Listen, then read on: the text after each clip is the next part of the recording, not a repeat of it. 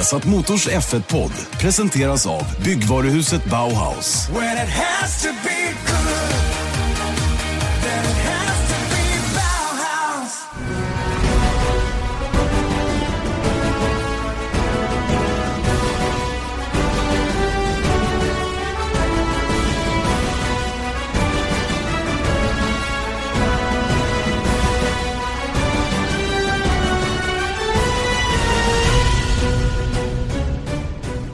Mycket välkomna då till Viasat Motors F1-podd. F1-podden med Erik Stenborg och Janne Blomqvist. Den här veckan så är det ju racevecka igen med Rysslands Grand Prix inför, inför oss så att säga då. Och eh, jag själv sitter på plats i Sochi, Erik Stenborg hemma i Stockholm.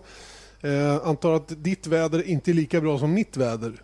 Jag vet inte hur ditt väder är, men mitt väder är faktiskt ganska bra för tillfället. Okej. Så bara så du vet. Hur, hur är ditt väder? Jag tror att folk är mer intresserade av det. Det är väl så antar jag. 19 grader just nu och klarblå himmel faktiskt här i den olympiska parken där vi sitter. Det är ju femte gången jag är här nu. Det är helt otroligt egentligen att eh, man har varit här så många gånger och eh, det här börjar liksom att bli, bli en vana nu på något sätt. Mm, det, det, dina hemtrakter, Sochi. Exakt.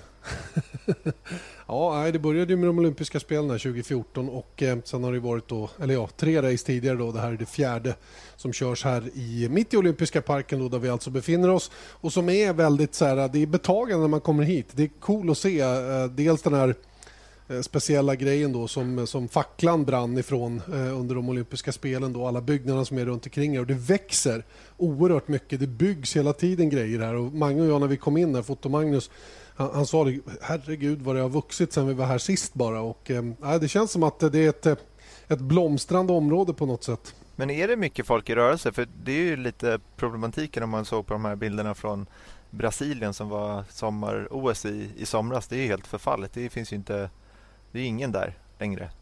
Nej, det är faktiskt raka motsatsen här. Här är ju allting bibehållet i, i, liksom, i gott skick, det måste jag ändå säga. Eh, nu ska det ju vara ett fotbolls-VM här så småningom också så att det är klart man håller liv i det här området. Och jag noterade en sak till, det är ju att det är en hel del semesterfirare, ryska semesterfirare som kommer hit. Det är ju ett jätte, jättefint eh, eh, strandområde som finns här i Svarta havet och när temperaturen är bra som den är nu, nu är det ju försommar än så länge eller inte ens det, kanske bara vår. Och jag kan tänka mig att det är rätt mycket folk här när det är högsäsong så att säga. Då. Det finns ju definitivt plats att bo herregud vad med ställen det finns att hyra in sig på då, i form av lägenhetshotell och, och finare hotell också. Då.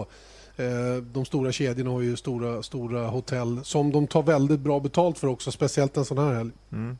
Jo, jag vet. Det är därför eh, jag fick arga sms från dig och Mange igår kväll. Att ja, det, det var bara så här, det var fatig. Jag var trött bara. Det var ingen större fara. Jag är fortfarande lite jetlaggad efter förra helgens tripp till, till USA. Så att jag var väl lite småknäckt när vi kom hit. Det är ju så här att de här ställena, vi bor alltså i det som var Olympiabyn, den olympiska byn. Mm. Där eh, till exempel ryska, den ryska truppen hade ju sitt eh, högkvarter där inne där vi bor. Och det är klart att det är, det är inte som ett vanligt hotell där man går in i en, reception och där allting finns samlat på ett och samma ställe. Det här är ju, vad ska vi kalla det för, ett lägenhetsområde eller någonting sånt. Och så är det en liten reception där man hämtar ut sina nycklar. Sen är det en bit att gå innan man då kommer till sitt hus, om man säger så, då, sitt hyreshus. Då. Och där hade vi en jättestor lägenhet. Vi har säkert ett vardagsrum på 60-70 kvadratmeter och, och, och en, väldigt sparsmakat möblerat i och för sig. Men, men det är fint, nytt och fint varsitt sovrum i den här lägenheten och varsin toalett dessutom och, och gott om plats i allra, allra högsta grad. Så när, när, vi väl fick vakna och det var lite sol ute och sådär så då kändes det bättre igen. Mm. Vem kan ha bott där? Alexander Ovechkin kanske? Ja, mm. kanske det. Jag vet inte. Det är möjligt att det var han. Eh, eller någon skidåkare kanske. Nej, skidåkarna bodde nog uppe i bergen faktiskt. Så att, eh, det är nog de som höll till här nere i olympiska parken som kanske bodde i den där Olympiabyn. Vi säger att det var Ovechkin och så säger vi så här. Vi har ja. satt Motors F1-podd denna vecka från Alexander Ovechkins lägenhet i Ryssland. Exakt. Om, om jag nu hade suttit i lägenheten. Ja, just det. Ja, det här, nej, men eh, vi börjar om. Vi börjar. Lögn, ja. lögnen, blev, lögnen blev en riktig lögn helt plötsligt. Ja, jag sitter faktiskt i kommentatorshytterna mitt emot, ehm, eh, mitt emot depån. Jag sitter ganska precis i höjd med eh, Ferrari faktiskt, deras garage. Jag kan titta in där, där Vettel och Räikkönen kommer att ha sina bilar så småningom. Eh, det är ju inte mycket som händer nere i garagen som, som är av racingintresse så att säga just nu utan nu handlar det mer om att man plockar ihop bilarna och gör i ordning allting för besiktning och sådana saker som sker under dagen idag.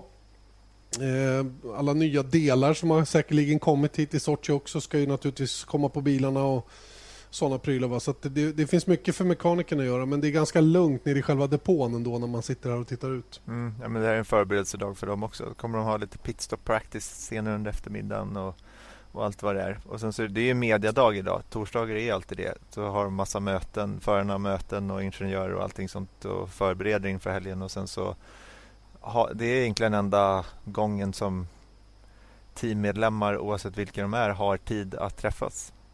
Och ibland mm, har de inte tid att träffas som vi har fått erfara. Mm.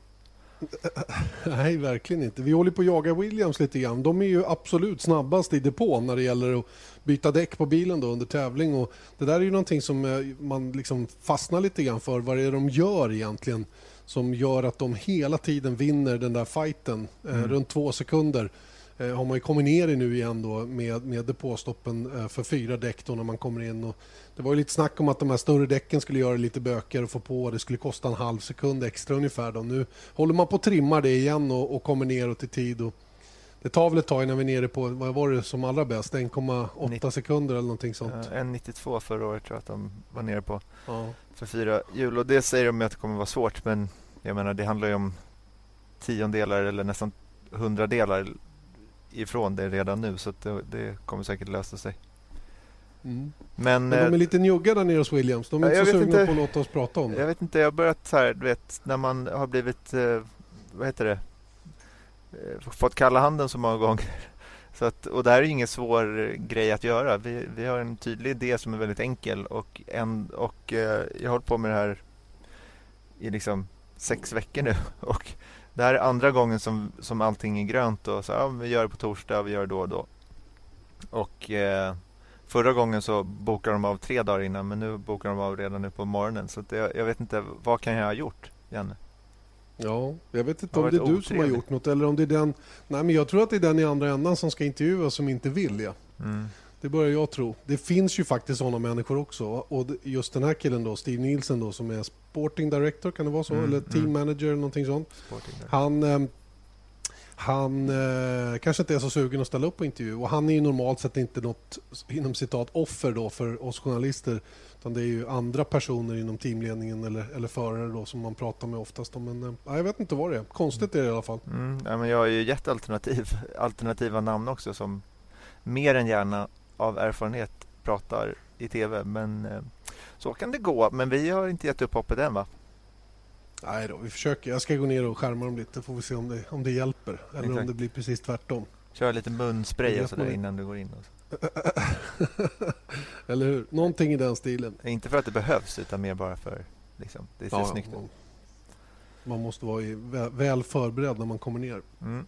Hörru du, eh, jaha, det har varit en vecka där det har varit lite, de har haft um, lite möten mm. på FIA mm. när det gäller saker och ting. Och bland annat så har man nu kommit fram till att det där med hajfenor och T-vingar och sådana saker då inte ska få, få finnas på bilarna från från och med 2018. I alla fall ska de begränsas i väldigt stark ut, utsträckning hur, hur, hur, man får använda dem. Ehm, och jag, ja, inte vet jag, är det en viktig fråga Erik? Nej, men för det första, är det här beslut? För det har inte jag riktigt eh, på det klara med. Att det är väl mer så här, det här ska vi prata mer om i stort sett. Eller att alla, det här är vi Ty i stort sett överens om men jag tror inte att det är klubbat ja, det... exakt hur det ska se ut. De har inte visat så här, så här ska bilarna se ut nästa år utan eh, gällande hajfenor och T-vingar. Nej, det är väl mer ett, ett eh, principbeslut som man har tagit och det ska väl klubbas igenom i World Motorsport Council och vad det nu är för någonting innan, innan allting blir, blir... Men fortfarande, jag ställer frågan igen. Är det en viktig fråga? Tycker du det? För mig är det totalt oviktigt. Alltså. Jag, jag tycker... Mm. För det första så, jag är väl den, en av eh, dem... För jag tycker inte heller... Jag vet inte. Jag, jag har absolut ingenting emot hajfenorna. T-vingarna tycker jag bara det är ju bara en attiralj, men jag tycker att eh, hajfenor ser rätt coola ut. I ärlighetens mm. namn. Och jag, liksom många man pratar med, inte minst här på jobbet, alla håller liksom lite halvt med. Så att jag börjar, just vad gäller utseendet för att tv-vingarna finns där. Jag har ju hört också kommentarer från faktiska människor som tycker att det hade sett coolare ut utan. Men jösses. Jag, jag tycker att det blev en mediastorm helt utan anledning.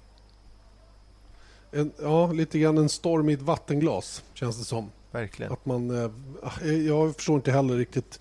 För mig och jag, bilarna, det är klart att det finns mer eller mindre snygga varianter av Formel 1-bilar genom åren. Det är väl ingen tvekan. Men hur man än gör så bygger man ju bilar för att de ska vara så snabba som möjligt. Och sen om det är en stegad nos, eh, om det är en konstig nos eller en för bred framving eller vad det nu än är. Så, så har jag lite synpunkter på det. Det är klart att jag också med ögat kan tycka att vissa saker är snyggare än andra. Men jag lägger inte så stor vikt vid det. Eh, det senaste jag hörde, ja, en sak kan jag säga om de här T-vingarna, det är de ramlar ju av lite då och då och det mm. kanske inte är så bra. Och det är väl en anledning att möjligen förbjuda dem då att de helt enkelt inte sitter fast ordentligt. De är alldeles för sköra så att säga då. Av påfrestningarna så, så ramlar de av. Merca har ju haft två sådana där haverier där den har ramlat av och den ena ramlade ju in under var det Max Verstappens bil och mm. skadade golvet på hans bil när, när han körde över den och sådana saker. Och det kan inte vara roligt, även om den inte väger speciellt mycket. Om den där flyger av och kommer i en väldig hastighet mot föraren då så, så kan ju sånt där uh, bli farligt till och med. Mm. Ja, och det är ju därför de har, tycka... de har varit på dem ju för att uh, Haas och sånt där, deras infästningar var för dålig liksom, så att uh, mm. den vibrerade för mycket och det får inte vara för mycket flex i aerodynamiska element på bilarna heller. Så det är väl, det, det är väl en, en sån fråga. Men rent utseendemässigt så tycker jag inte att de är så vackra. De tillför ingenting, men jag tycker liksom hajfenor, kom igen. Det är liksom, nu ser de ut så, mm. och sen så ta bort dem bara till nästa år och sen så eh, livet. Exakt. Det kan jag verkligen hålla med om. Det är väl en jättebra reklamyta om inte annat. Hajfenan. Det intressanta är att jag läste nu på morgonen att Fia vill att förar namnet ska synas väldigt tydligt på bilarna. Eh, dels så ska man göra ett, en tillräckligt stor, ett tillräckligt stort nummer på bilen. Det ska synas väldigt mycket mer tydligt än det gör på vissa bilar. Sauber är väl kanske ett av föredömena. Då. De har ganska stora siffror på sidan av sidepodden. Eh, men, men där vill man då eh, ja, med regler. Och då är vi tillbaka till det med att man ska reglera allting. Men man vill tala om för dem hur stora de här ska vara då för att det ska synas ordentligt för publiken. Och Det är ju någonting som vi har nytta av som sitter och tittar. Mm. Eh, men det senaste var ju att man skulle använda ytan på den här eh, hajfenan då, eller på eh, M-plattan på bakvingen för att skriva ut namnet på föraren som kör bilen. Och det där hade någon räknat ut skulle motsvara ungefär 6 miljoner dollar i sponsorintäkter om man skulle använda den ytan så att säga. Mm. Om, så jag vet inte hur lätt det blir att få igenom det där. Ja. Eh, men inte för Sauber. De har inget annat att stoppa nej. på där. Så det, de bara, det är gratis för oss faktiskt. Typ. Typ. Man kanske kan... Ja, man, det, så, vet du vad de kan göra? De kan sälja den här platsen till typ Mercedes. Och så kan de skriva Hamilton ja. på Hamilton och Bottas på Sauberbilarna. Och så får de 6 miljoner dollar. Förstår Utmärkt du? idé. De har ju inga ja, andra sponsorer så då kan de lika gärna liksom passa på. Det är smart. My mycket bra idé. Mm. Mycket bra nu har vi ännu mera anteckningar till Sauber. Ja. att de kan göra. Ja, vi, vi, får väl se vad de kommer fram till här så småningom. Va? Men, men som sagt, det här med hajfenor och tevingar och sådana saker. Ja, ja, om de tycker att det där är viktiga frågor får de väl hålla på med det. En annan sak som det pratades om var ju det här med att man inte vill att teamen ska ha möjlighet att förbränna olja. Mm. Eh, i motorn eh, för att få lite extra knuff då, eh, under framförallt kvalvarv då, när man vrider på lite extra. Jag antar att det är Merca som är i blickfånget när det gäller det mm. eftersom de eh, har en möjlighet att, att, plocka ut lite grann extra då, just när det gäller ett enstaka eller något enstaka kvalvarv och säkert även kan använda den funktionen i race också vid enstaka tillfällen. Mm. Eh, nu vet inte jag om man egentligen har hittat att det är något team som gör det här, vet du det? Nej, det är det de inte har utan det var Red Bull som eh, ifrågasatte det här för FIA och de har gjort extra kollar vad jag förstår i Bahrain eh, men utan att hitta någonting konkret på det. Eh, och då mis det är ju som alltid att eh, ett team liksom frågar är det här okej? Okay? Och då är det oftast inte för att de själva vill göra det utan för att de misstänker att någon annan ska göra det. Det var ju samma sak med Ferraris eh, eh ifrågasättande om de här eh, hjulupphängningarna. Just det. Och det var ju, kom ju från Ferrari som att formulerat som en fråga, får vi göra det här? Och eh, då, måste, då lyfts frågan så att säga till FIA och då förstår de andra teamen att oj då, nu har de, eh, de, är, de har lite koll på det här. Men eh, vad jag vet så finns det inga direkta bevis. Och det de skulle göra alltså är på något sätt att de har en olja som de skjuter in i förbränningsmotorn som gör att det blir som en extra boost helt enkelt. Mm. Mm. och då finns det väl klara misstankar för Red Bull till exempel då att någon eller några team håller på med det här. Och eh, då vill de få det dubbelkollat. Men då har de inte hittat någonting men de har sagt att de ska eh, göra mer sof sofistikerade checkups runt det här. Mm. Spännande grejer tycker jag ändå. Ja, det är långt över min paygrade om man säger. Jag fattar inte riktigt hur det där går till så jag ska inte ens eh, försöka och, och, och låtsas att jag förstår hur den här tekniken funkar. Men, Nej, men visst. man kan ju ändå på något sätt koppla så här. Okej, okay, har de fått det att funka att de skjuter in någonting i en förbränningsmotor som brinner extra mycket på något sätt. Eh, mm. Oerhört lekmannamässig förklaring men det är klart att har man fått det att funka så är det inte som reglerna är skrivna. Eller tänkta i alla fall. I andemeningen med regeln mm. brukar det heta i de här sammanhangen. Eh, vidare har man ju också kommit fram till att det inte blir någon halo. Den här, det här huvudskyddet som har testats av i princip alla team. Eh, ni vet den här ställningen som satt eh, runt cockpit. Då, en, en, eh, ja, en halo helt enkelt. Den ser ut som en Gloria, därav namnet. Då. Mm. Fast jag kallar det Halo. Med, med Halo, ja, men Halo heter det väl på svenska kanske. Ja. ja. det är coolare kanske. Hur som helst har man kommit fram till att det där ska inte användas utan det blir någon form av shield istället. Ett, ett, ett skydd. Jag vet inte om ni har sett de bilderna. Det förekommer lite bilder på hur, den här, hur det här skulle vara tänkt. Då. Det, det är ju egentligen bara en, en, en sluttande vindruta kan man säga då vid cockpitöppningens början. Mm. Eh, vi, vi, har ju sett bilder på den lösning som, som Red Bull hade. Det var ju också en form av vindruta. eller vad man ska säga. Då. Den här är lite lägre och inte lika framträdande. Den som man nu eh, planerar att införa då, från och med var det 2019 eller var det redan till nästa säsong? Det kommer jag inte ihåg nu. Jag tror att det var 18. Alltså, de sa ju att de skulle ha någon form av cockpit protection till 2018. Sen så vet jag inte hur det ser ut med just Shieldet då. Men det var ju då det var ju timelinen för Halon eller Red Bulls som de kallade Canopy. Just det. Eh, och Red Bulls var ju mer influerat av, vad ska man säga, en stridsflygs...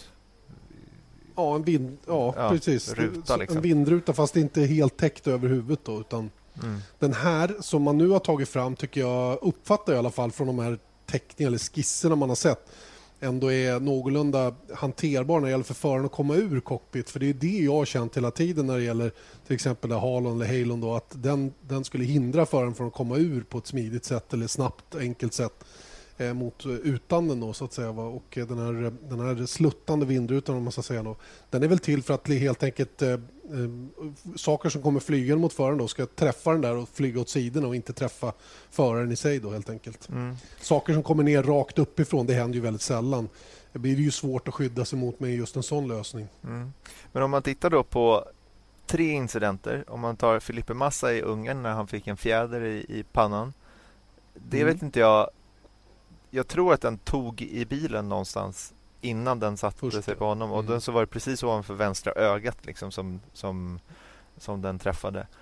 Eh, nu, nu, har man ju bara sett skisser, men då är det också så här. Ja, jag vet inte om den skulle styra bort en fjäder.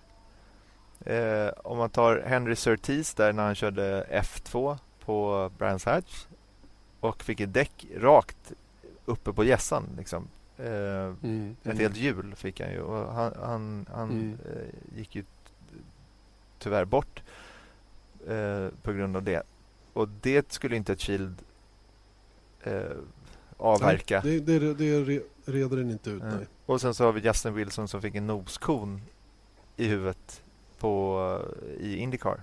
Och då är, jag vet inte mm. heller om det skulle motverka det. För den är så pass låg så att den är liksom Se, alltså, än en gång, man har bara sett skisser på det. Men jag tycker att den, den, den går ju upp framför ansiktet någonstans. Men den är väldigt lång. Också. Och sen så, jag vet inte, det, det bygger på att föremålet i fråga träffar det här först och sen styr bort. Men om det blir en mm. direkt träff då är det ju... Så att då börjar jag tänka så här, vad, ja, vad är poängen? Liksom? Mm. Ja, jag vet inte heller riktigt hur... Men jag antar att Fia har, gjort, eh, har ju funderat på det här också. Det är inte bara du och jag som sitter Nej. och funderar på de här sakerna som har inträffat. Och alltså ibland undrar man ju. Det, det, alltså. Jo, jo, jo visst. Men det, blir ju, det blir ju ändå en form av kompromiss någonstans. Ja. Eh, runt hur man kommer ur cockpit och hur föraren blir fastlåst där den är. Vad händer om bilen slår runt och hamnar upp och ner och så vidare. och så vidare. Alla de här bitarna måste vägas in i den lösning man sen väljer. Och, och, Det är ju det som är kruxet lite grann. Hur, hur, eh, vad är mest sannolikt hända? Alltså, eh, vad är mest sannolikt kan hända? Och eh, vad behöver man skydda sig mot i övrigt så att säga då, när man har en sån här lösning på bilen? Mm. Det, det, är inte helt lätt alltså. Verkligen inte. Nej, det är inte det. Men eh, ju mer skyddade de kan vara desto bättre, måste man ändå säga. Så är det. Så, och det vet jag, en sån som Marcus Eriksson är väldigt tydlig med det. Det är klart att vi ska ha ett huvudskydd, säger han. Han har inga som helst problem med att man använder det. Han menar på att ju, mer, ju bättre vi kan skydda oss, desto bättre är det. Punkt slut. Mm. En del har ju varit, haft synpunkter på, återigen då, på utseendet, vad det får för påverkan rent estetiskt på bilarna och så. Och, och, det vet inte jag om det, ska, om, om det ens ska vara med i diskussionen överhuvudtaget när det gäller en säkerhetsfråga som det här ändå är. Nej, jag tycker inte det heller. Och eh, jag menar, Kevin Magnusson har ju varit åt andra hållet och tycker att det är bra som det är nu. Och Hamilton. Eh, men Massa, som har träffats av det här, han är ju oerhört för någon form av skydd. Mm. Och mm. det tycker jag så här, lyssna på Massa i den frågan för att någon som har upplevt det, det är inte så kul. Alltså det var ju verkligen en, en freak accident men det där händer ibland. Visst, delar kan lämna eller kan ramla av bilarna och, och är man då bakom i, och det går ju fort när de kör så kommer de här, även om de väger lite, så kommer de med en väldig fart och då blir ju träffen ändå väldigt hård så att säga då. Mm. Vad vägde den där fjädern? 800 gram? Någonting sånt och den fullkomligt mm. krossade en kolfiberhjälm. Så att, mm. Och det är därifrån de här om man tittar på en, en, en hjälm, en F1-hjälm idag så har de ju i överkant av visiret så är det som en liten platta och det är också en kolfiberplatta och det är för att förstärka det området som Massa då blir träffad av den här fjädern eh, 2009. Mm. Eh, så det händer ju sådana där grejer hela tiden och jag, jag, jag, ser inte poängen. Jag förstår inte hur man kan argumentera emot det. Nej. Dess bättre är det ju ändå om vi tittar på på vad som sker på banorna. Under, vi har ju sett, du och jag har ju sett många race i alla fall och jag har varit med väldigt länge så är det ju inte jätteofta som en förare träffas i huvudet av lösflygande föremål. Nej. Jag skulle säga det är försvinnande få gånger det inträffar. Och eh, det, är ju, det är ju mot bakgrund av det som man måste ta ställning till vilken typ av skydd det ska vara. Mm. Så att säga, va? återigen, då, man måste fundera på vad är mest sannolikt kan hända. Mm. Eh, och, och det, det, som man då kommer fram till blir ju det som man ska fokusera skyddet på. så att säga. Mm. Men det är det jag tror... Är... För helt skyddad kan man aldrig vara. Nej, absolut inte. Men jag tror att om det finns någon svaghet i säkerhetsfrågan eh, i Formel 1 är att huvudet är helt oskyddad förutom hjälmen. då. Så att om det finns någon svaghet i maskineriet så är det ju helt klart eh, huvudet. Och om man tittar mm. på de som har skadat sig i Formel 1 och annan open wheel eller open cockpit eh, racing eh, de senaste 20 åren så har det ju ofta oftare än inte eh, handlat om huvudet. Jag menar till och med Senna, det var ju också eh, en, att ett stag från hans hjulupphängning trängde in i hjälmen. Så mm. det är också ett huvud, en huvudfråga. Och sen så vet inte jag om en Kiel skulle ha stoppat det heller. Men jag menar, man måste ju liksom gå på den svagaste länken hela tiden och försöka förbättra den. Mm. Visst är det så. Efter Senna-olyckan så byggdes ju ändå cockpitöppningen om ganska radikalt och man har ju fått eh, ett skydd på sidorna om av cockpitöppningen. Då, de här, ja, det är som extra det är som en krage eller man ska säga då, runt öppningen utav, utav cockpit då, som sitter ovanför axlarna på föraren då, som, som är till för att skydda ännu mer. Mm. Och Det var ju bland annat en konsekvens då utav det som hände med Ayrton Senna då i, i, eller på Imola då 1994. Och Det var också disku right. diskussioner där. huruvida det såg bra ut eller inte. För att mm. man, man argumenterade då för att ja, men nu ser man föraren mindre, för nu ser man bara huvudet. Men om man tittar på bilder från 94 och tidigare så jag menar, det var ju halva överarmen stack ju upp över ut, uppercockpit. Speciellt för en sån som Damon Hill som var lite längre. Det var ju liksom, det såg helt, det var, det var ju också komplett livsfarligt. Mm. Ja, nej, verkligen. Nej, det har hänt mycket på det området och just den delen där föraren sitter, den ska ju vara kassaskåpssäker verkligen. Den, det är ju en säkerhetscell, den kallas ju det till och med. Mm. Hela sittbrunnen då som är monokocken då, så att säga, framför motorn då, fram till dess att noskonen sätts fast. Hela det området ska ju vara mer eller mindre oförstörbart. Och, och, idag uppfattar jag att det är det också. Eh, och Det enda som du var inne på då, som, som man inte kan skydda till 100% är ju huvudet. Då, för att någonstans måste man komma i och ur. Mm. Right. Det om detta då med, med skyddsfrågan och eh, halos och, och, vindrutor och allt vad det nu är för någonting. Vindruta verkar det alltså bli då enligt vad Fia kom fram till senaste veckan. Eh, den stora nyheten i övrigt, Erik, eh, är ju det som har, som har florerat lite grann. Eller det har, ryktena, ryktena har blivit allt starkare den, de senaste dagarna. Eh, och Det är ju naturligtvis Honda och om det ska bli Honda-motorer för Sauber. Eh, och eh, jag antar att du är med mig på det när vi säger att det, att det blir Honda för Sauber. Det känns ju mer eller mindre säkert just nu. Frågan är bara när det bekräftas. Mm. Det verkar vara väldigt nära en deal i alla fall. Ja, sättet det rapporteras om så känns det ju som, och har gjort under väldigt lång tid. Jag menar, vi började prata om det här i slutet av förra året tror jag, för att det var första gången man mm. började höra liksom snacket runt det. Och nu, nu sägs det ju att det ska komma ut eh, kanske till och med denna helg. Eh, mm. Första då... gången jag hörde talas om det, då det var riktigt nära, det var i samband med Japans Grand Prix förra året. Mm. Ehm, då, då uppfattar jag att man inte alls var långt ifrån att, att eh, det skulle bli ett kontrakt redan då. då. Men, eh, men man sköt på det helt enkelt. Och, eh, ja, anledningen då, det vet inte jag vad det var och hur nära det var heller egentligen. Men enligt mina uppgifter så var det otroligt nära att man skrev på mellan Honda och Saab redan då. Mm. Eh, men, men det är egentligen inte det, det intressanta, huruvida det blir eller inte. För Jag tror att det kommer att bli och det kommer säkert att bekräftas endera dagen, väldigt snart i alla fall. Eh, frågan är om det är bra eller dåligt. Och Jag vet ju att det är många av er som, som är fans och kollar på det här som ställer sig väldigt frågande till att överhuvudtaget diskutera med Honda eh, och, och, låta dem leverera motorer när det ser ut som det gör för dem just nu. Och Det där är ju faktiskt ett oerhört svårt läge, minst sagt. Eh, hur man ska göra när, när ehm, en, en, en, stor leverantör, en stor firma som Honda då, eh, uppenbarligen är intresserad av att ha ytterligare team ombord och behöver ytterligare team ombord, hur man ska göra. Ska man våga hoppa på det där eller inte? Vad säger du? Ja, det är en jättesvår fråga för att jag tror att så här, jag hade högre förhoppningar på Honda 2015 redan än vad de levererade då. Jag hade aldrig kunnat tro att det skulle vara så stora problem. Sen så tänkte man ju så här, ja, men nu har de ju vintern på sig eh, och hela den här säsongen får de se det som ett test och så kommer de komma bättre förberedda till 2016.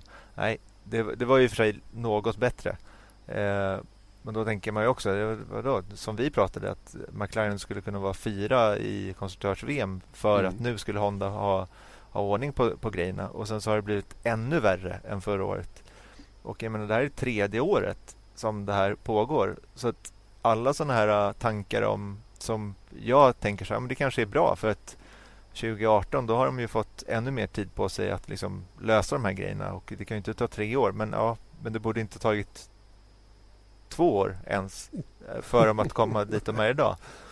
Så att, eh, jag menar, det enda man kan gå på, eller det enda jag går på, är ju hur det har sett ut hittills. Och eh, med tanke på det då så, så, tycker jag inte att det känns så himla bra. Nej, med svenska okay. ögon. Du sitter, du sitter som teamchef i Sauber då och eh, förhandlingar pågår och man kommer allt närmare där. Va, vad skulle du göra då? Skulle du hoppa på det eller inte? Va, och vad skulle få dig att hoppa på? Ja, det är väl att alternativen är sämre. Men är det det då? Är alternativen sämre, rent prestationsmässigt? Ja, alltså det är det jag tänker. Att om... om mm. Jag menar Ferrari... Jag, jag, vet inte vad problemen som Sauber haft med Ferrari de senaste året eller åren har varit och varför de har valt att eh, lämna Ferrari. Eh, men jag antar att det finns eh, incitament för att göra det. Så att Ferrari är borta. Då har vi Mercedes mm. kvar och Renault. Ja. Mercedes mm. har eh, en motor, ja, ett team kvar så att säga. Så de skulle kunna leverera motorer till Sauber. Rent praktiskt. Får de göra till tre plus, plus sig själva? Är det så? Jag tror att det är så. Eh, mm. Och när Manor då eh, lämnade sporten till i år så, så finns det en, en leverans ledig så att säga. Men då mm. kanske det är så att eh, man är sist på bollen eh, och man blir liksom fjärde teamet. Det kanske är en sån mm. deal man får och eh, de har eh, mycket att fylla kanske. Renault det, det handlar väl säkert om en deal vad gäller Honda. Jag menar, jag vet ju att eh, McLaren får ja, rapporteras i alla fall att de får 100 miljoner dollar om året för att köra med Honda-motorer. Kan man få gratis motorer eller till och med få lite betalt för motorer, ja, då kanske det är incitament nog för ett team som Sauber. Så jag förutsätter att, mm. det, är, att det finns anledningar att ta det. Men rent prestandamässigt och resultatmässigt så känns det inte helt toppen. Nej. Okej, okay, jag, är, jag är med på det mesta av ditt resonemang där. Till att börja med så tror jag att det här med varför det tar sån tid för Honda att få ordning på det här. Eh, min egen så här, eh, verkligen amatöranalys av läget är ju att de började med någon form av koncept, det där eh, Size Zero då, som McLaren ville ha. De mer eller mindre, ja, de fick ju Honda att bygga en så tight motor som möjligt då för att det skulle passa in i chassit. Och det här visade sig inte funka överhuvudtaget. Det blev för dålig prestanda i vissa delar på motorn, framförallt på ERS-sidan. Eh, och sen så gjorde man ju då en viss förändring till, eh, eller ja, man fick bättre ordning på det i alla fall till 2016. Fick det att funka hyggligt. Sen så gjorde man en stor förändring då till i år där man har gjort om arkitekturen på motorn, flyttat ut Eh, kompressor och turbin ifrån varandra, sitter i varsin enda motorn och utanför V då för att kunna bygga dem lite större eh, och få mer prestanda ifrån dem. Då. Och det uppfattar jag är där delvis som man har problemen idag. Dels den här axeln då, mellan turbin och kompressor eller mellan eh, turbo och kompressor har svårt att hålla ihop. Och man, får, man kan helt enkelt inte köra det så hårt som man vill och därmed kunna ladda upp ERS så mycket så att man får den extra kräm som man behöver ifrån, från eh, återvinning. så att säga. Och det är där känns det som i alla fall som Honda tappar hästkrafterna gentemot konkurrenterna. Men, men, men eh, jag tror samtidigt att det är så här, de måste ju också titta lite grann på vad det kostar. Eh, för att visst, de har mycket pengar Honda och de har laddat in mycket i det här projektet och, och, hur stora förändringar kan man göra? Kan man börja om från början utan att det tar ytterligare tre fyra år innan man hittat rätt med, med konceptet så att säga? Man ligger ju så oerhört långt efter de övriga. Eh, dels för att man började ett år senare än alla andra och förmodligen började också långt senare med utvecklingen av den första motorn som man fick till. Och alla de här bitarna tillsammans, det är ju en jätte, jättesvår avvägning för Honda hur mycket man ska våga göra stora förändringar så att säga för att komma till rätta med saker och ting. Det, det är nog Men är det inte det de har gjort till i år? De sa jo, ju att de hade de har gjort en, nytt. Ja, det, det, är helt sant. Va? Men fortfarande är det ju så att de kanske behöver göra ännu större förändringar för att verkligen komma, komma saker och ting på spåret. Och, och Det är en, kanske en större grej än, än vad åtminstone jag fattar eh, för deras del. Och Om det nu vore så, eh, då skulle de ha kommit till rätta med det redan idag, känner jag. Mm. Ja, och det är det där att, Just... att, om de var efter 2015, att det var en, en, en anledning. För att eh, då hade de ett annat koncept. Men om de skulle gå på ett mer traditionellt koncept som de andra motortillverkarna, eller närmare de andra motortillverkarna i deras mm. konceptuella mm. utformning av, av motorpaketen. Okej, okay, istället för ett år senare så är de ju fyra år senare till 2018. Ja. Ja, ja jag, jag, det är, de, de har hamnat i ett riktigt, riktigt knivigt läge. Lite grann moment 22 faktiskt. För att I princip så känner jag att de skulle behöva börja om från noll igen. Mm. Och Det är lite det de vill undvika på något sätt. Va? Att de, eh, utan att jag vet att det är så här så, så får jag för mig att de på något sätt använder grundkonceptet fortfarande men försöker att justera det mm. så att det ska funka bättre och det där har man väldigt svårt att få till. Mm. Vad tror du om det? Ja, men det, det, det, är ju, de har ju uppenbarligen svårt att, att få någonting att funka och det tyder väl på att det är att de har gått en annan väg. Och det var det som samtidigt då så var det det som McLaren och Honda var så malliga om eh, inför 2015. Att så här, det här är den här vägen är den vägen man måste gå för att vinna. Det var ju så Alonso uttryckte det. Och mm. eh, de har varit ganska långt ifrån att vinna men nästan långt ifrån att komma i mål fler race än inte. Till och med det, ja. Till och med det det på plussidan för honom nu var ju att de faktiskt hade ett ganska bra test eh, i, i Bahrain. De körde ju två dagar med Oliver Turvey första dagen som inte fick köra något överhuvudtaget i stort sett. Allting krånglade. Eh, fortsatte att vara stora bekymmer, vattenläcka i ERS och allt vad det nu var. Sen dag två så fick man det helt plötsligt och, för, och då fungerade det. Körde över 80 varv och, och, helt plötsligt så var det problemfritt för deras del. Och då enligt vad som har rapporterats så hade man gjort vissa förstärkningar på, på de delar som har krånglat hittills då och helt plötsligt så började det fungera. Låt oss hoppas att de har kommit, kommit någon, någon vart då med, med de här tillförlitlighetsproblemen som de har haft hittills. Då. För jag antar att anledningen till att det går sönder hela tiden för att man försöker att skruva på mm. eh, mer effekt eh, för att komma närmare konkurrenterna och då går det sönder så att säga. Mm. Ja, jag tror också det. Men det är där jag har mm. sett i Sauber då så att ja, jag kan inte svara på det. För att jag menar Sauber har, har eh, det kämpigt just nu med farten och eh, jag, jag bara tänkte ju sätta 2017 års, eller den Honda-motor som existerar idag i Sauber. De hade ju inte ens kvalat in antagligen. Nej, nej, nej det, det, det, det känns inte riktigt bra. Men eh, okej, okay, då har vi i alla fall eh, av, av liksom klarat av den delen av det hela. Då. Eh, men, men sen kommer vi till nästa del. Då. Honda då, som, som leverantör har ju bara McLaren och det har ju varit ensamrätt då för, för McLaren att, att få Honda-motorer. För de, de vill ju ha fullt fokus på just deras team. Deras team. Mm. Eh, nu, nu blir det då ytterligare team och det är ju någonting som många förespråkat hela tiden att de behöver ytterligare team för att kunna få fart på utvecklingen av motorn.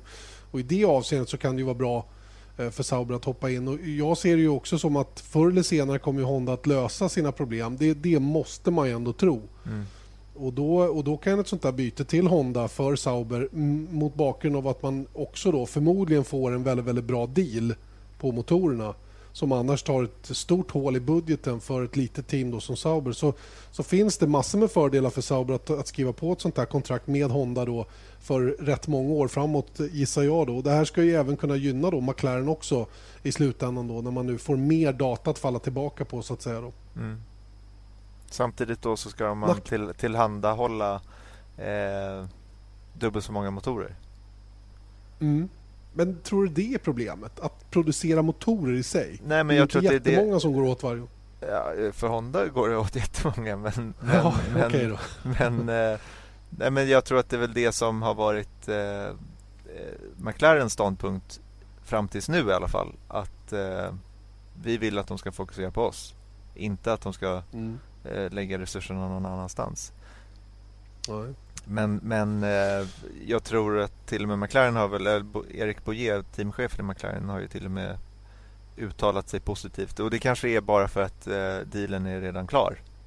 Så han eh, hänger väl på där då. Han kan väl inte vara kritisk om, om dealen redan är, är klar. Men han har ju varit negativ för att eh, alla resurser ska läggas på McLaren. Men om det inte är så så kanske han har för, ja, insett då att de behöver mera eh, data och mer running. Och kanske kunna mm. köra parallella program i två team istället för att köra sitt egna. Mm. Um, och det, det, finns en annan sak som, som kan vara bra i den här kråksången också. Det är att det faktiskt pratas om att man rent regelmässigt ska hjälpa Honda att komma ikapp. Mm. Eh, och Det är väl en lite knepigare ekvation kanske att få, få ordning på eftersom jag har svårt att se att någon, någon i Formel 1-depån skulle tycka det var bra att hjälpa en konkurrent att bli snabb. Mm. Det, känns inte, det känns inte Formel 1 om man säger så. Nej. Snarare tvärtom. Ja, jag håller med. Och, och eh, jag, vet, jag vet inte riktigt hur de, ska, hur de ska lösa det där. Samtidigt som jag tror att alla här, om man ser den större bilden i det hela, är medvetna om att det vore oerhört bra om, om Honda också tillsammans med McLaren då i första hand kan vara ett konkurrenskraftigt team. Vi behöver, sporten behöver det så att säga. Va? Men det är ju väldigt svårt att sitta i Ferrari-ledningen eller i Mercedes ledning och tycka att gud vad kul att Honda blir starka och kan slå oss. Ja, ja exakt. Det är ju McLaren som folk är rädda på. Men det, det, som jag förstår det så är Mercedes positiva till att hjälpa Honda. Red Bull är det inte. Eh, och anledningen till deras olika ståndpunkter känner jag inte till. Nej. Ja, vi får se om de löser det där helt enkelt. Eh, det sägs att Mercedes eventuellt skulle kunna hjälpa till. Ilmor eh, finns också med ju. Eh, Mario Iljen då som faktiskt var lite han var väl någon form av konsult eh, när Renault låg som allra sämst till och, och skulle hjälpa dem att eh, komma på, upp på rälsen igen då, så att säga, med sin motor. Det verkar man väl ändå ha gjort hyfsat, uppfattar jag det som. Mm, verkligen. Hörrni, vi tar ett eh, kort litet reklamavbrott här så ska vi strax komma tillbaka och faktiskt prata mer motorer. Vi har eh, en lyssnarfråga idag också som, eh, som också är relaterad till det här med motorerna i Formel 1. Men vi, vi tar en kort paus så är vi strax tillbaka. Då är vi tillbaka igen med Formel 1-podden. Vi har satt Motors Formel 1-podd. Janne Blomqvist och Erik Stenborg sitter här och pratar motorer och har gjort en lång stund. Och, eh, Eh, det leder oss in lite grann på veckans lyssnarfråga som eh, är lite spännande faktiskt och som också handlar om motorer. Den lyder så här. Hej Janne och Erik. Kalle Wallinder heter jag och min fråga till er är om vi i framtiden kommer få se andra motortillverkare eller rent av Formel 1-stall som inte är europeiska eller japanska. Jag tänker framförallt på från Kina, Indien och Sydkorea. Tack för en väldigt bra podd med eh, en väldigt hög lägstanivå. Ja, där hade ni lyssnarfrågan alltså som handlar om ifall att man i framtiden kan se fler motorleverantörer än europeiska och japanska. Och vad tror du om det? Jag ser ingen anledning till att vi inte skulle få göra det riktigt. Sen så kanske, sen vet jag inte hur nära förestående det skulle tänkas vara men jag tror absolut att det finns många bilmärken från, ja, säg Kina i alla fall och eh, ja, Mahindra finns i Formel E. Så att varför skulle de inte mm. kunna blanda sig i det här? Jag tror kanske inte i det nuvarande reg reglementet. Men eh, för det som, det som kommer 2021 va? Eh, så mm. kan jag absolut se att det skulle kunna finnas intressenter för det. Och eh, mm. det har ju pratats om Audi redan. Det, nu är det europeiskt men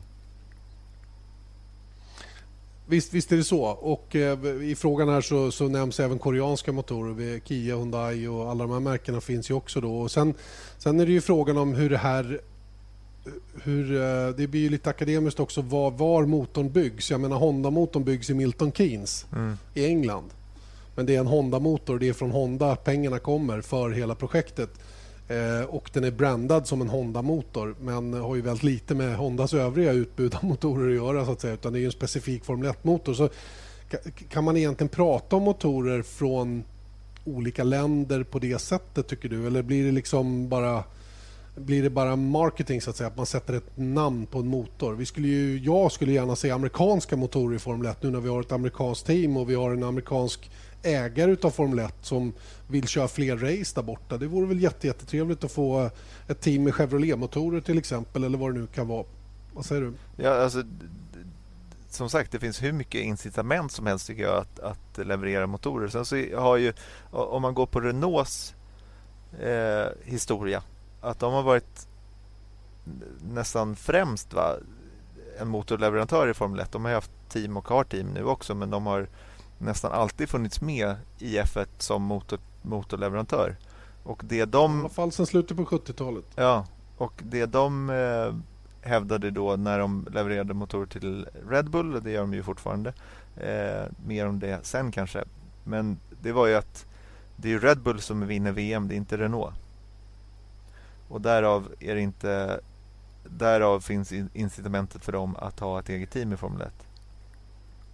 Eh, och därav tänker jag då för om det skulle vara Chevrolet till exempel. Mm. De skulle hamna i lite samma position kanske beroende på hur deras samarbete ser ut med till exempel Haas. Om det skulle vara Haas Chevrolet. Eh, då, då, kanske det skulle vara mer som ett som Hon, McLaren Honda.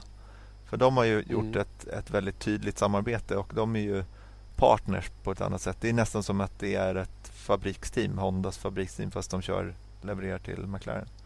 Så det finns ju massa mm. olika sätt att göra det på. Sen så har vi ju också, som jag nämnde, eh, Red Bull som har Renault-motorer fast som heter Aston, nej, de heter Tag Heuer till och med. Mm.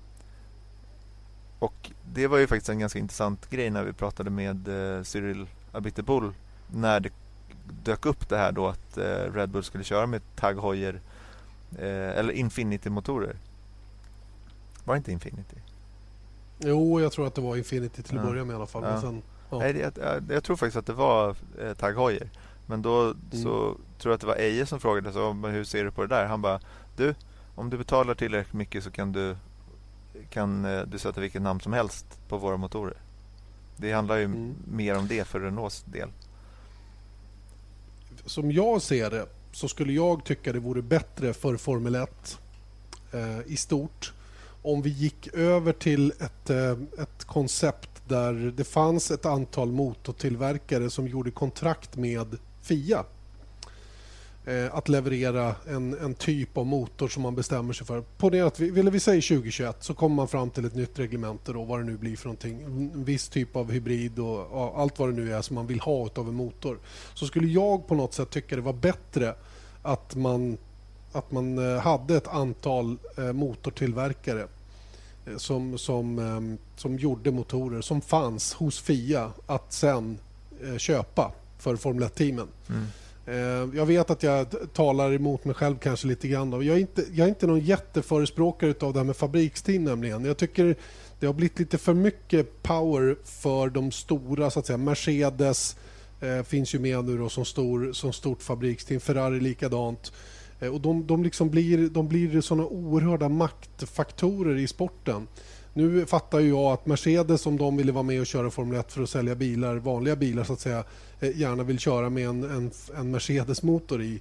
Eh, något annat skulle inte vara tänkbart för deras del. Men, men frågan är om inte det vore bättre att, vi, att man tittade på en annan utveckling. Att, att team är team så att säga. Va? Och sen så får de sen titta på vilken typ av motor som de tycker passar bäst för, för den bil som det här teamet bygger. Mm. Eh, det här, det här kanske, är, det, det, kanske är naivt och bara puckat att prata på det här viset för att det är så orealistiskt så skulle jag aldrig kunna gå att genomföra. Men någonstans så skulle jag tycka det, det skulle göra det lite lättare för fler team att kunna vara med på en rimlig nivå. Ehm, jag menar, man kan ju bara föreställa sig vad det kostar att utveckla Mercedes-motorerna då, som, som är så oerhört framgångsrika där man försöker att rädda tillbaka en del av vad det kostar genom att då sälja motorer till kundteam då, i Williams Force India och så vidare. Då. Jag tror inte ens att det täcker 50% av vad det kostar eh, ändå. Så att säga. Va? Eh, och, och, ja, det, blir ju, det, det, blir ju stora enorma pengar då som, som Mercedes till exempel spenderar. Då. Men eh, jag, jag ser mer att lösningar som, som att vi har ett Red Bull-team då som, som tvingas gå då till FIA för att skriva på ett kontrakt med motorleverantör eller varför inte McLaren då som du menar är, ja, som jag också tycker är mer eller mindre ett Honda-fabriksteam att man hade mera, så att säga, de Williams, Red Bull, McLaren. Att man fick bort eh, de rena fabriksteamen. Mm. Vad hände med Ferrari då? Ja, jag vet inte. De är ju den svåra nöten att knäcka. De har varit med sedan 1950, de har varit med sedan starten. De får väldigt, väldigt bra betalt för att vara med fortfarande och eh, kör ju naturligtvis med sina egna motorer. Men varför inte låta fabriksteamen då finnas kvar men att de samtidigt eh, måste skriva det här kontraktet med FIA då för att sälja motorer eh, till andra team, vilka, vilka det än må vara så att säga, då, utefter eget tycke och smak. Så att säga. Det ska inte behöva finnas en begränsning utan de måste kunna leverera till hela griden om det är så att det, det krävs. Så att säga, va? Mm. Ja, men jag, jag, vet inte. Ja, men jag är med på vad du menar runt fabriksteamen för man har ju, jag har lite samma känsla men problemet tycker jag är mer makten de har och de här konstiga... Ja, rent grundläggande så tycker jag att det är fördelningen som eh, Bernie har satt ihop i mångt och mycket. Det är ju den som är eh, roten till problemet i stora delar för hela Formel 1. Och mm. kan man komma liksom underfund med den i och med att Ferrari får liksom dubbelt så mycket som alla andra i stort sett. Då tror jag att liksom, då sprids ju makten också i Formel 1 eh, som sådant och det, det tror jag skulle vara positivt i mångt och mycket. Sen så vad gäller, mm. jag, jag ser fortfarande att det är ju superviktigt tror jag för Formel 1 att ha fabriksteam fortfarande. Men... Varför då? Ja men för att de är ju e- en jättestor player i hela eh, motorsportsvärlden. Visst, de kan komma mm. och gå, men det finns fortfarande... Det ger legitimitet till sporten eh, för det första, tycker jag. Att man har... Eh, titta på Le Mans. Hade det bara varit Pescarolo-bilar i eh, LMP1 eller Bicolles, det är de som tävlar mot varandra. Visst, det skulle kunna bli intressant racing, men om man kollar bara tillbaks historiskt sett så har det varit fighten mellan Porsche, Mercedes, Peugeot. Det är sånt, sånt som har höjt på ögonbrynen. Sen finns det ju mm. baksidor med fabriksteam också eftersom de tar bort mycket i och med att de är så mäktiga och rika så att säga. Att de eh, kanske tar bort möjligheterna för mindre team att slåss på lika, lika nivå. Mm. Ja, det är en svår fråga. Där. Jag vet inte om vi svarade på lyssnarfrågan egentligen. Men... Eh. Nej, men jag tror, jag tror att eh, vad gäller andra bilmärken så jag menar, vi har sett hur mycket eh, motor rebadging som det kallas eh, som helst. Jag menar, vi har eh, McLaren Tag, eh, Arrows Megatron, eh, Williams Mechachrome, eh, Prost Acer och, och Minardi European. Eh, Sauber Petronas. exakt, så det finns hur många som helst sådana och där tror jag att en, vad ska man säga, Williams Geely eller någonting skulle kunna absolut tänka sig eller en, en Toro Rosso Mahindra skulle absolut kunna mm. komma ett men då kanske framförallt runt 2021 eller någon mm, mm. Det är mer troligt right. än att de skulle sätta in en egen motor. Tror det var ett långt och krångligt svar på lyssnarfrågan. Ja, men det är så vi är. Det är bara att köpa. Exakt. Och det, det, men det är en intressant fråga tycker jag det här med, med motorer och fabriksteam. Det hänger ihop lite grann. Det spretar ju. Det blir ju lite spretigt för det är en st större fråga än bara motorer huruvida fabriksteamen har för stor makt och sådana saker. Jag bara jag bara kom in på det lite grann för att jag känner att fabriksteam är farligt va? för att de kommer och går som sagt. Va? De, när de är med och laddar in de pengarna de känner att de vill spendera för att det säljer bilar, ja då gör man det gladeligen. Sen så när man tycker att uh, man vill satsa på andra pengar, då bara lämnar man sporten så att säga och så, och så blir det som är kvar kvar. Mm. Och vad det nu må vara så att säga. Va? Och apropå och, Honda så var det det de gjorde i 2008 när de bara lämnade exakt. hux flux och även BMW. Så det ja, var ju Toyota jätte... hoppade av. Ja, Toyota, BMW och Honda va? inom Honda. väldigt kort tid. Mm. Verkligen. Och, och, då blev det Renault lite stökigt. klev ju av under en period också. Eh, blev bara kvar som motorleverantör och, och då efter deras senaste storhetstid när de klev av så, så blev det ju en Eh, ja, innan de blev fabriksteam igen, de har ju kommit och gått massor med gånger, men kommer du ihåg när, när det var Renault-motorer då när de var starka tillsammans med Williams och med Benetton mm. Eh, så, så, så, hoppade de ju mer eller mindre av och då blev det ju det där Mekakrom då istället. Mm. Och, och genast så var det ju inte alls samma pengar och genast så blev motorn inte lika eh, stark och framgångsrik då som den hade varit innan. Mm. Nej, men det är klart att det finns baksidor, ja, men jag tror fortfarande att fabriksteam har, har en plats i Formel 1. Alright, jag köper det jag köper det. Vi får se. Jag tror inte att det jag tycker kommer att gå att genomföra i alla fall. Så det spelar ingen större roll vad jag tycker i frågan. Tror jag. Det är som det mesta du, du, tycker, Janne. Eller hur? Det är, bara så, det är bara på ytan och har ingenting med verkligheten att göra. Mm. Det handlar om att eh, låta Janne va? tro att han har en massa makt. Men han har inte. Exakt så är det. Du, det här med att tävla på hemmaplan då, det är lite intressant. Vi har ju faktiskt en rysk förare på startlinjen den här helgen, Daniel Kviat. Och, um, man undrar lite grann huruvida det finns hemmaplansfördel i Formel 1 eller inte. Ehm, jag tror att det gör det delvis. Eh, kanske inte för Kviat, för det har inte Nej. varit något, något lysande för honom just här i Sochi. inte minst förra året. Nej, herregud. Vad hände då? För de som inte minns. Ja, det blev ju, ehm, det blev ju en lite tilltrasslad situation minst sagt i starten när han eh, körde på Sebastian Vettel inte mindre än två gånger. Nu var väl den ena gången var väl mindre lyckad. Den andra gången var ju bara eh, ja, det var bara en följdkonsekvens av massa annat som hände. Men oavsett det så var det ju närmast det som fick eh, det att rinna över för Red Bull som därmed flyttade bort honom från huvudteamet och ner i Toro Rosso igen och ersatte honom då med Max Verstappen eh, till Spaniens Grand Prix.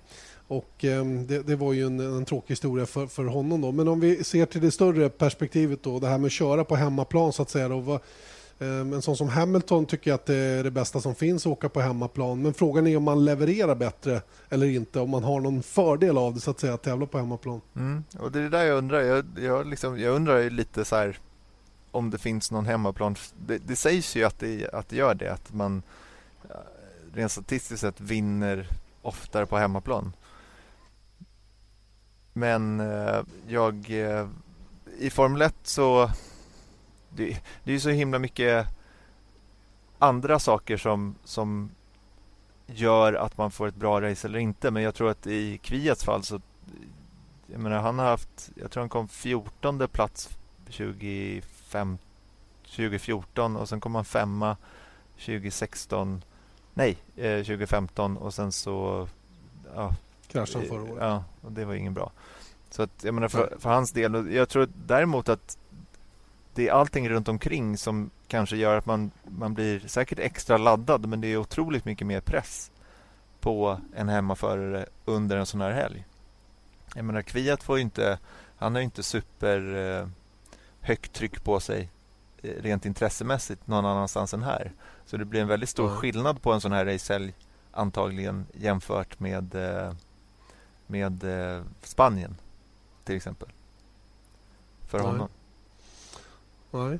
Eh, det, jag, jag, jag har lite svår, det är, jag tycker det där är en svår fråga. Det är, det är inte som i fotboll eller i andra lagsporter där man spelar på hemmaplan och man har eget omklädningsrum och man liksom man har publiken med sig på ett helt annat sätt och alla de här bitarna där det får en väldigt psykologisk effekt så att säga att, att just vara på hemmaplan. Jag vet inte om det, om det funkar så i Formel 1. Jag, jag tror, jag, jag tror inte det. Jag, jag uppfattar inte att det är så. Sen kan det vara smidigare att vara på hemmaplan. Man kanske till och med kan sova i egen säng eller hemma. Eller ja, du vet sådana där saker som kan påverka. Inte mm. vet jag. Men, men, men det är nog eh, få som gör. Jag tror inte att det är någon. Det är väl ingen uh, spansk förare som bor i Barcelona heller. Och, och Kviat bor absolut inte i Sochi.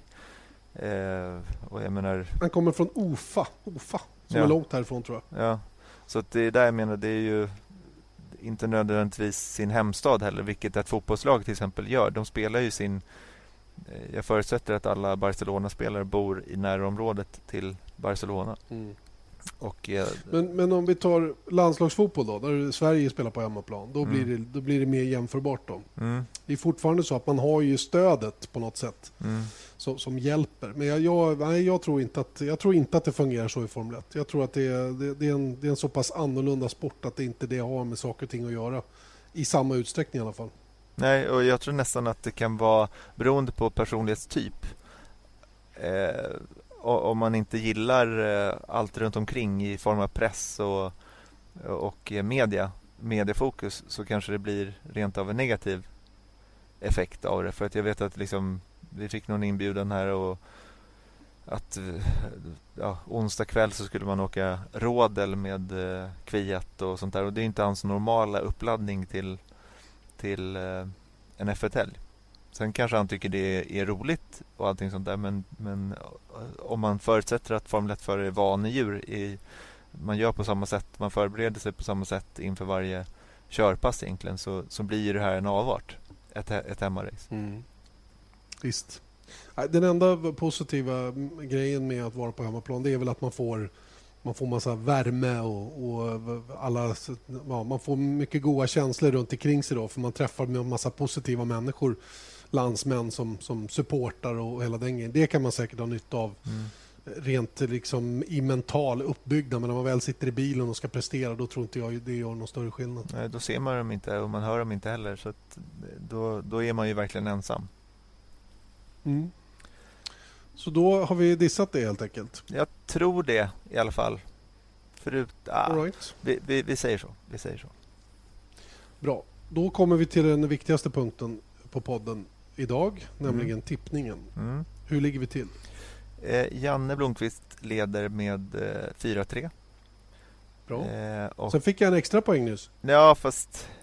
Ja, jag, jag Åh, tyckte... kom igen nu Erik. Berätta. Nej, men- Berätta Ja, nu det, var, det kom in en tekniker, innan vi började banda så kom det in en tekniker som pratade med grav brittisk dialekt. Och eh, Janne sa att han var skotte. Jag sa så här, du, han är irländare. Och sen så frågade Janne, eh, ja du är irländare? Han bara, nej nej, jag är skotte också. Och eh, då, då tyckte Janne att han skulle få en extra poäng i Formel 1-tipset. Och det tycker jag är lite orimligt alltså. Ja, Måste det är det faktiskt. Jag håller med om det. Men det är en skönhetspoäng i alla fall. Jag tycker det är en guldstjärna i kanten att jag hörde rätt på dialekten. Okej. Det roliga var att vi hade ytterligare en tekniker som var inne innan.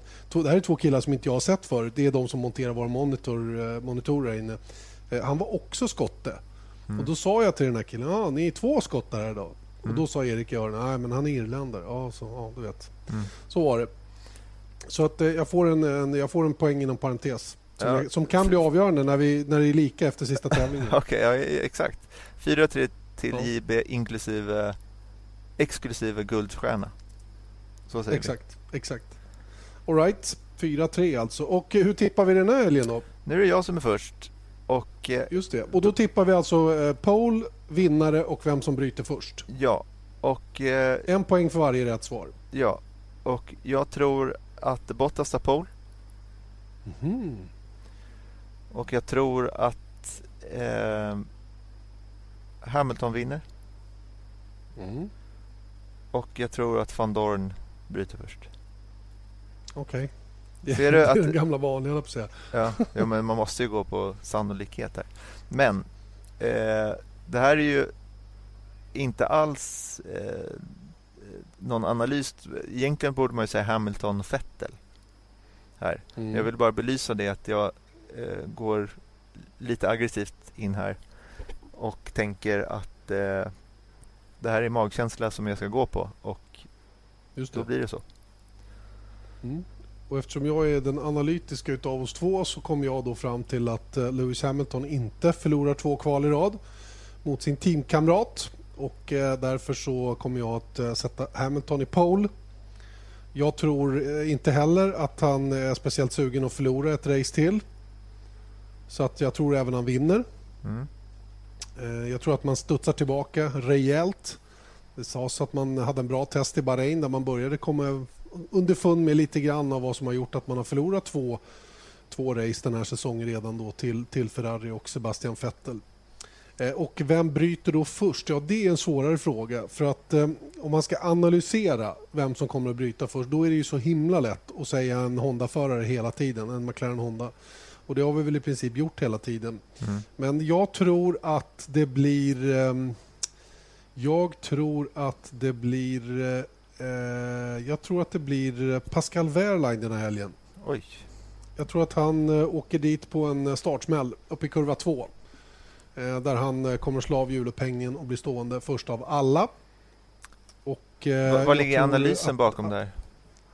Därför att man har gjort om kurva 2 eh, till, eh, till i år. Man har lagt till massa såna farthindrande grejer, såna, ja, bullar, halva bullar. Mm.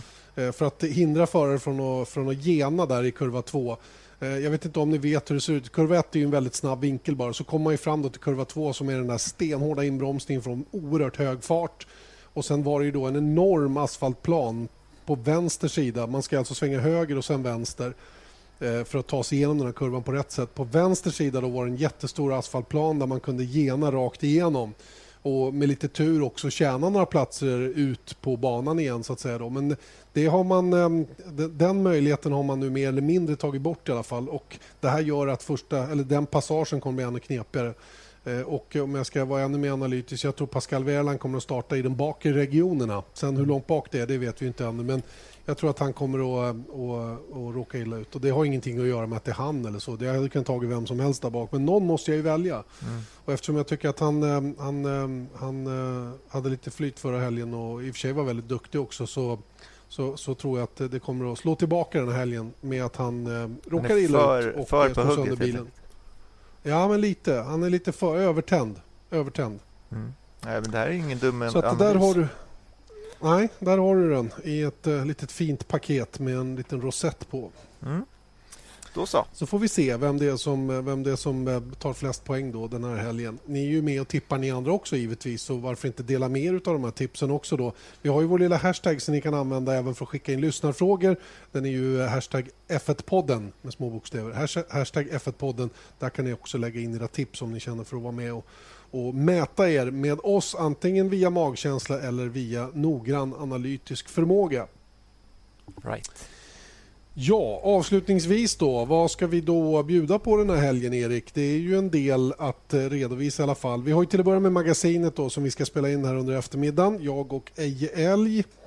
Eh, så det kommer senare under eftermiddagen framåt kvällningen i Sverige och eh, vi kan väl även rapportera vilka tider vi har att hålla oss efter under helgen. Vi startar FP1 som vanligt med 9.55 fredag morgon 9.55 alltså. Det andra då 13.55 FP2. FP3 startar eh, 10.55 och eh, kvalet där börjar vi 13.40. 13.40 startar sändningen då på lördag och då sänder vi även i TV10 då, precis som vanligt. Och på söndag så är det ju uppsnacksstart då 45 minuter innan loppet drar igång. Det vill säga vi börjar programmet då 13.15 och, eh, det ser ni då live på Viasat Motor på Viaplay och senare under kvällen då i ett sammandrag på TV10 med start 21.00. Där är tiderna då för helgen. Och Sen har vi lite reportage vi ska ha med också, är det inte så?